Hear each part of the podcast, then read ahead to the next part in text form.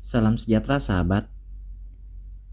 Pada akhirnya, keberhasilan para rasul tidak bergantung pada apa yang mereka miliki, tetapi pada apa yang mereka ada. Orang-orang kudus. Kamis 8 Juli bacaan Injil diambil dari Matius 10 ayat 7 sampai dengan 15. Menyembuhkan orang sakit, membangkitkan orang mati, mentahirkan orang kusta, usirlah setan-setan. Kamu telah memperolehnya dengan cuma-cuma karena itu berikanlah pula dengan cuma-cuma. Janganlah kamu membawa emas atau perak atau tembaga dalam ikat pinggangmu.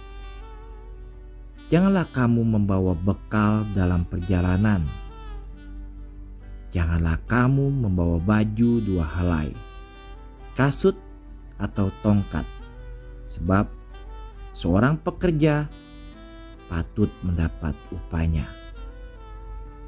Apabila kamu masuk kota atau desa, carilah di situ seorang yang layak dan tinggallah padanya sampai kamu berangkat. Ini adalah pelajaran yang menarik bagi kita. Evangelisasi pertama yang dilakukan oleh para rasul. Itu berhasil sahabat. Sahabat lihat, orang-orang Kristen awal menaklukkan dunia tanpa internet, Facebook, dan ponsel pintar. Orang suci tidak menyia-nyiakan satu detik dari hidup mereka untuk mengeluh tentang apa yang tidak mereka miliki, tetapi menggunakan apa yang mereka miliki.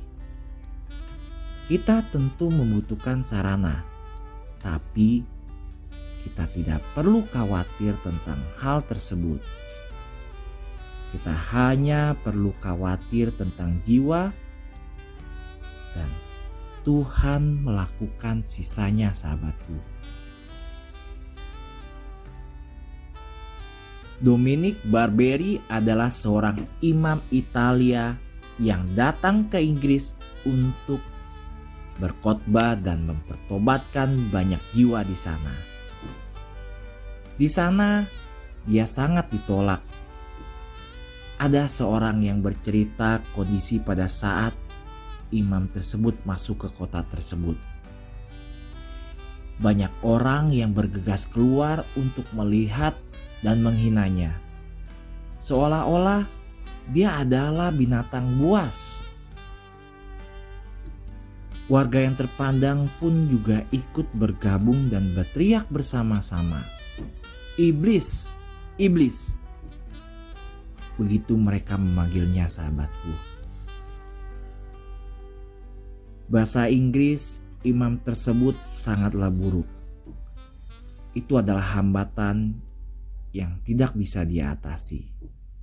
Karena itu, ia selalu menyarankan mereka yang datang kepadanya untuk bermeditasi dengan baik.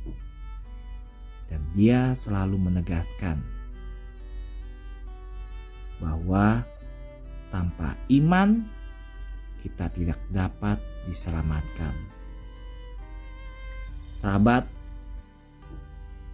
dengan segala kesulitannya, ia akhirnya membuat ratusan orang menganut iman Katolik, termasuk Saint John Henry Nerwan.